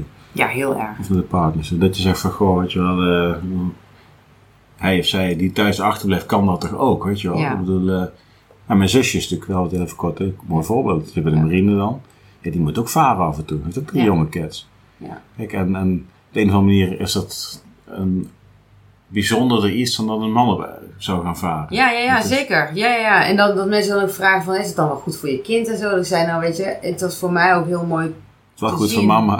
Ja, ook. Ja, Ja. maar ook toen ik terugkwam, Ja. dat ik dacht van... Ze heeft zoveel dingen geleerd die ze niet had geleerd als ik thuis was geweest. Ja. Ehm, omdat ze nou eenmaal een tijdje alleen met, eh, met haar vader is geweest. En niet, dat ik er niet, geen onderdeel van was. En ehm, ik vond het juist wel heel... Ik vond het juist wel heel mooi om te zien dat ze zich echt had ontwikkeld. En dat ze heel zelfstandig was geworden op een bepaalde manier. En... ehm, en ook dat zij uiteindelijk, ik ging natuurlijk ook eens op oefening, want het ging wel wat langer en wel wat korter weg. Maar dit was dan inderdaad zes maanden met de verlof tussendoor. Maar dat zij daardoor ook heel erg het vertrouwen had van, ja, maar het maakt niet uit. Mijn moeder hoeft niet fysiek de hele dag thuis te zijn om er voor mij te kunnen zijn.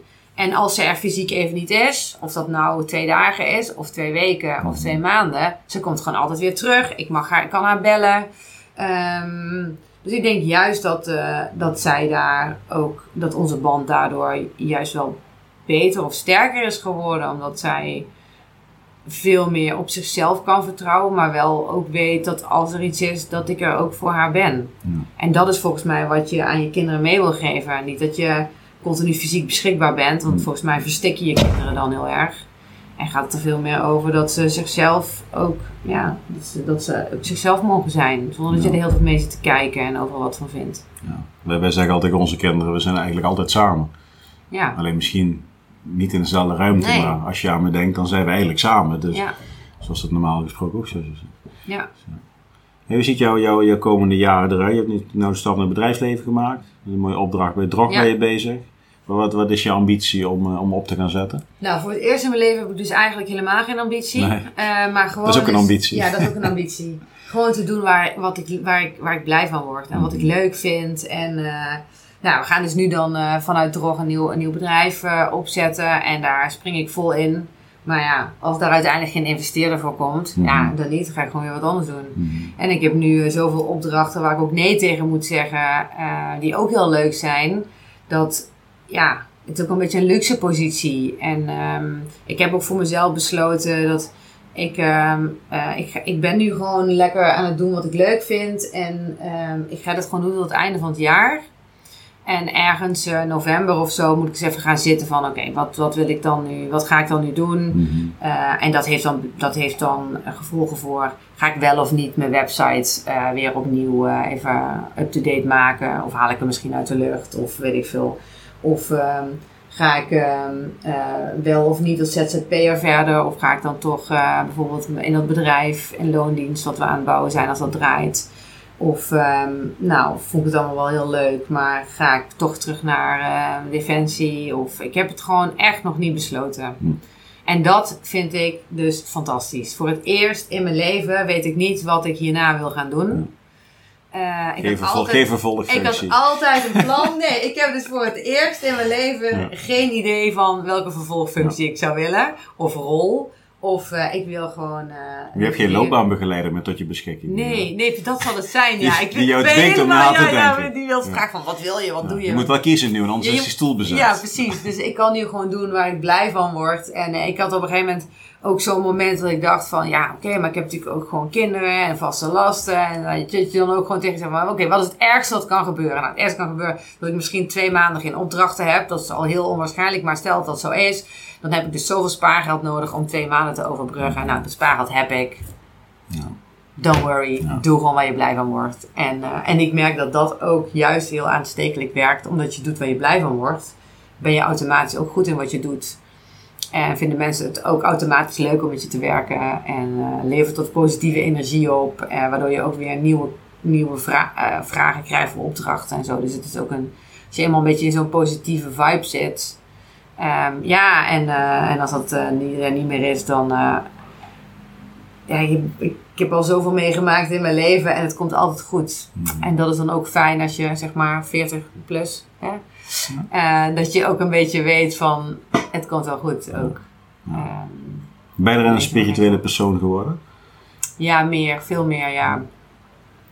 En veel eh, spiritueel in de zin van, ehm, nou, dat ik wel meer bezig ben met hè, waarom doe ik wat ik doe. En ehm, wel gewoon spiritueel om dat in mezelf te zoeken. En dat ik, eh, nou ja, af en toe ook wat dingen experimenteer. Ik doe nu bijvoorbeeld een training adem en koude, waarin je echt allerlei tools krijgt aangereikt met verschillende soorten ademhalingstechnieken en eh, ehm, eh, confrontatie met koude aangaat in een ijsbad, maar ook eens een keer eh 10 minuten gewoon onder een koude douche gaat staan om te voelen wat het nou met je doet. Ehm, maar ook jezelf challenge om een keer 24 uur niet te eten of gewoon zo met jezelf en je persoonlijke ontwikkeling bezig te zijn. Eh, dat is dan dat is wat ik dan nu een aantal weken aan het doen ben. Dat vind ik dan ook wel weer heel leuk om op die manier eh, te kijken van zit er nog iets wat me iets kan brengen. Eh, ja, en if not, dan was het sowieso heel leuk om dit te doen. Maar ja, ja, je, je houdt er altijd wat positiefs aan over. Ja. Tenminste, Ja. ik wel. Ja, maar je bent ook avonturier. Ja, ja, ja, ja. ja. Ik heb even, het stond ook op de site ergens. Eh, je hebt bij, eh, bij Robinson meegedaan, Ja. Robinson. Eh, nou, wat je nu ook omschrijft, zeg maar. mensen denken van, het is niet wel leuk geweest. Denk je, een koude douche.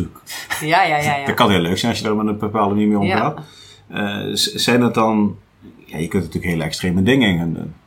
Je- In, in het op zoek gaan naar je spirituele ja. ik en daar ontwikkelingen. En zie, zie je dat als iets wat een mooie uitdaging kan zijn, los van je business en zakelijk allemaal? Ja hoor, nee, ik denk dat, dat je steeds weer, of je loopt dan hè, tegen een podcast aan van je denkt van, oh goed verhaal, dan ga je daar eens in verdiepen. Mhm. Maar voor mij ligt bijvoorbeeld wel echt een grens bij eh, het gebruik van middelen. Eh, Ik zoek het wel echt in mezelf. Ehm, zonder dat ik daar externe, ehm, in de zin van ja, oké, koud water of zo. Maar ehm, ik wil ook mensen die bijvoorbeeld experimenteren. Van extremere dingen met ayahuasca. Wat, dat, zou, dat zou een stap zijn die ik zelf niet snel zou zetten. Ehm, ehm, maar ja, ik denk wel dat er- dan hoor ik weer iemand met een, eh, die zegt dan, nou, wat ik nou heb gedaan. En ik denk, nou, interessant. Nou, dan ga ik het over lezen en denk ik, nou, dat is wel of niets iets voor mij. Ja. Maar ik ben daar wel heel nieuwsgierig naar. Ja, zeker. En ehm, ik ben nu bijna twee jaar geleden eh, zijn eh, mijn man en ik uit elkaar gegaan op een hele positieve manier. En ook daar, weet je wel, in dat proces ehm, leer je ook heel veel over jezelf. Hè? Want wat je in die ander loslaat is ook dan weer een deel van jezelf. En dat je daar dan ook met elkaar voor in gesprek gaat met, met een therapeut om te kijken van hoe kunnen we de rol van liefdespartners loslaten, maar wel gewoon op een goede manier ouders blijven en familie en collega's. Ehm, ja, waarin ik denk ik, als je me tien jaar geleden had gezegd, eh, ja, dan ga je naar een eh, hulpverlener, dan had ik echt gezegd, ja, never niet.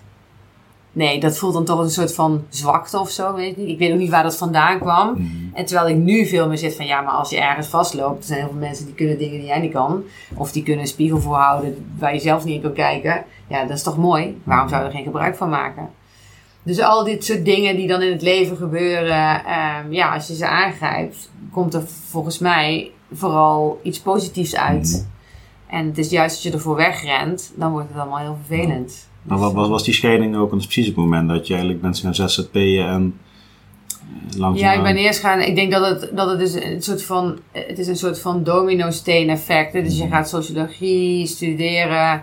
Dan word je authentieker op je werk. eh, dan merk je dat je eh, daar in die context dichter bij jezelf wordt. In die periode werd ik ook moeder. Dan ga je ook nadenken over wat voor moeder wil ik zijn. Dan verandert ook je identiteit. En dan ga je net een stap zetten naar, nou, ik ga eens kijken wat dat ZZP me brengt.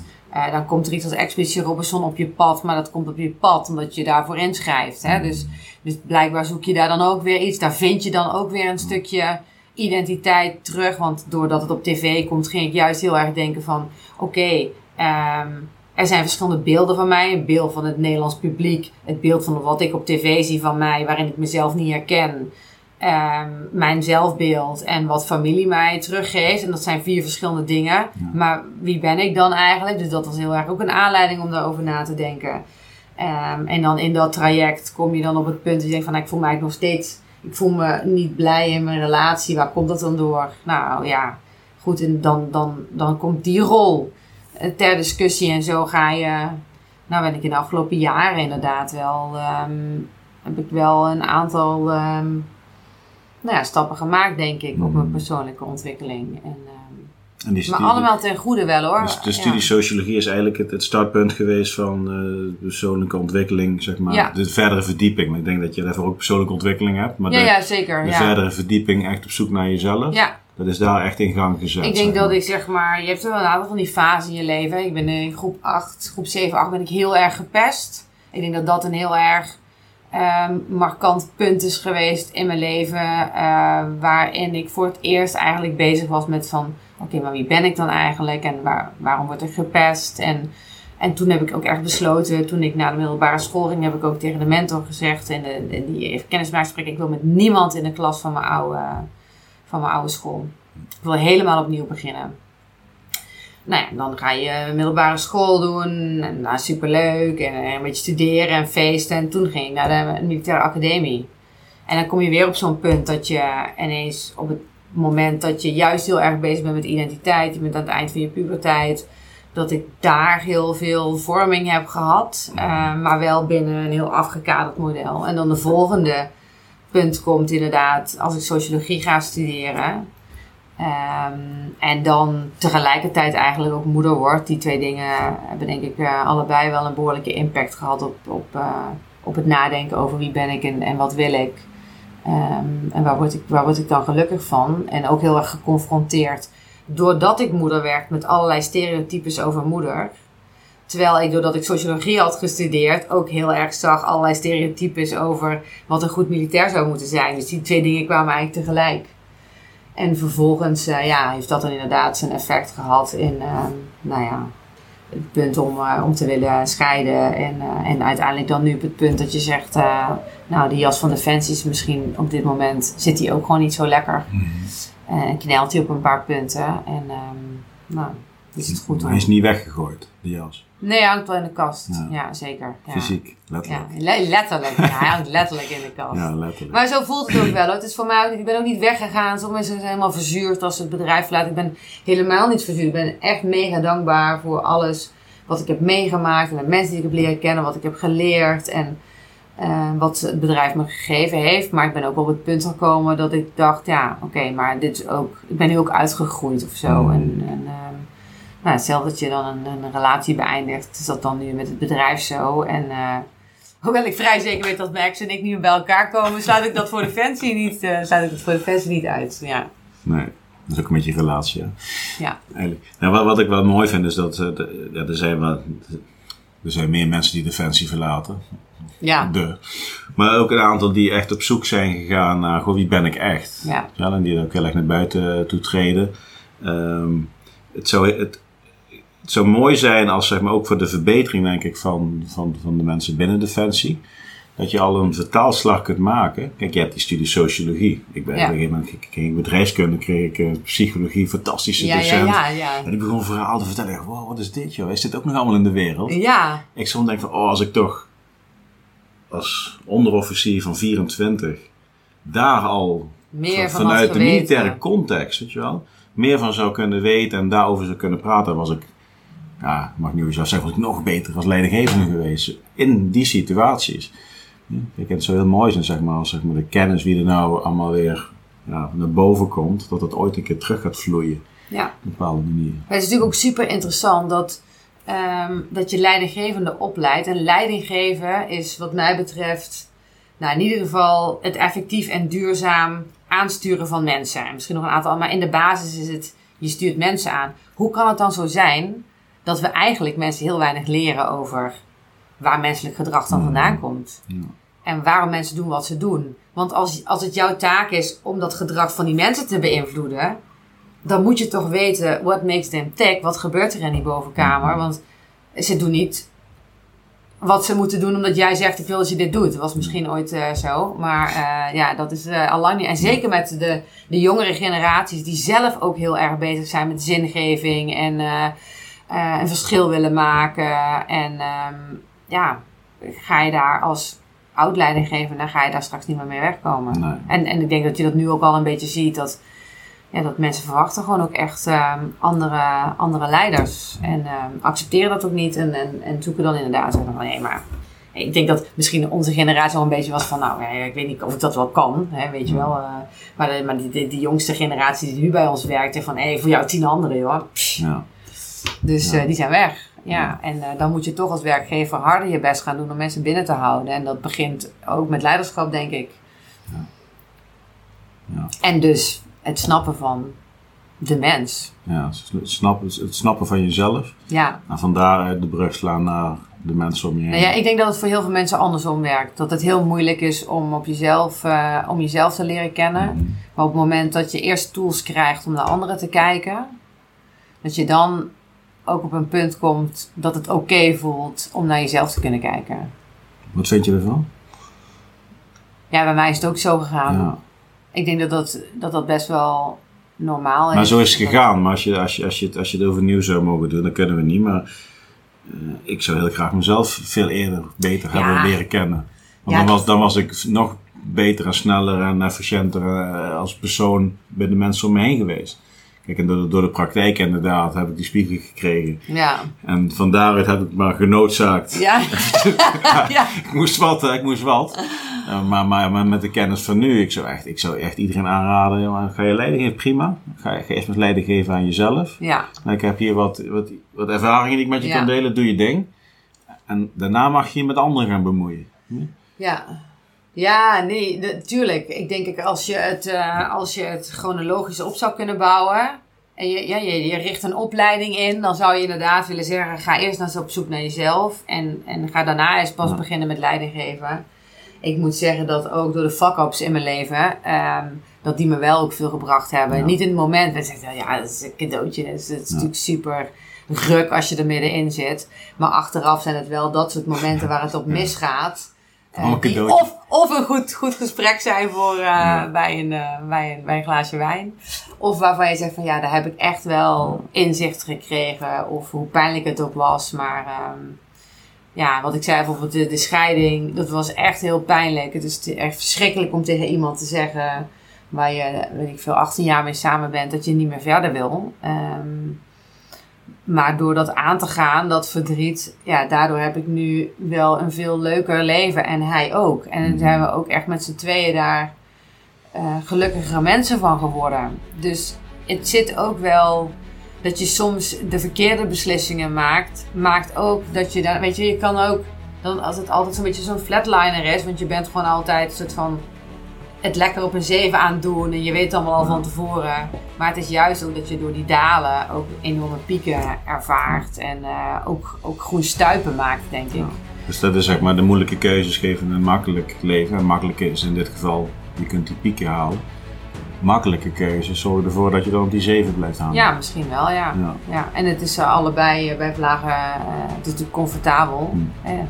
maar ik vind het uh, ook soms wel ja, die, die, dalen geniet ik echt niet van. Maar um, wat het je dan brengt en als je dan terugkijkt, Ja. dan denk je, ja, het was het me echt wel waard. Ja, dus voor alle kijkers en luisteraars, als je gaat scheiden, voel het als een cadeautje. Ja. In het begin nog niet, maar later wel. nou ja, als je, ja, als je bereid bent om, eh, om inderdaad op jezelf te reflecteren en het niet bij de ander neer te leggen. Want dat is waar het denk ik in scheiden heel vaak misgaat. Want jullie zijn met elkaar gekomen nadat jij al een defensie, Wij hebben elkaar leren kennen op de militaire academie. je elkaar leren kennen. Ja, oh, Ja, zaten... Dus je, wordt, je, je gaat ook zeg maar samen vormen door een hele fase van je leven heen. Ja, En uiteindelijk dan ga je toch jezelf eh, kennen. ja, En dan, dan, dan, dan, kies je een ander pad. en dan moet je een dappere keuze maken. Ja, Dankjewel. ja, graag gedaan. Ja, mooie dingen besproken. Ja, We leuk. hebben van alles We besproken. hebben echt van alles. Ja. Maar dat is, dat is Ja. wel wat er heel vaak We bij mij gebeurt. Van, van links naar rechts en Ja, alle ja, kanten ja. op. Dat is een beetje hoe mijn brein Ja, werkt. ja, dat hoort ook een beetje bij de podcast. We hebben geen script, we doen helemaal niks. Dat Nee. is helemaal prima. Nou, dankjewel. Dankjewel voor de komst. En eh, nummertje 40, dat is een, eh, is een mijlpaal. Ja, En als en we vanaf dan, hier wordt het alleen maar beter. ja, en als, en, als, en als we dan straks bij eh, nummertje weet ik veel, 103 zetten, Je? En dan zeggen ze zo, ja, ik zit met nummer 40. Ik zeg, daar kwam de Ja, nou ja.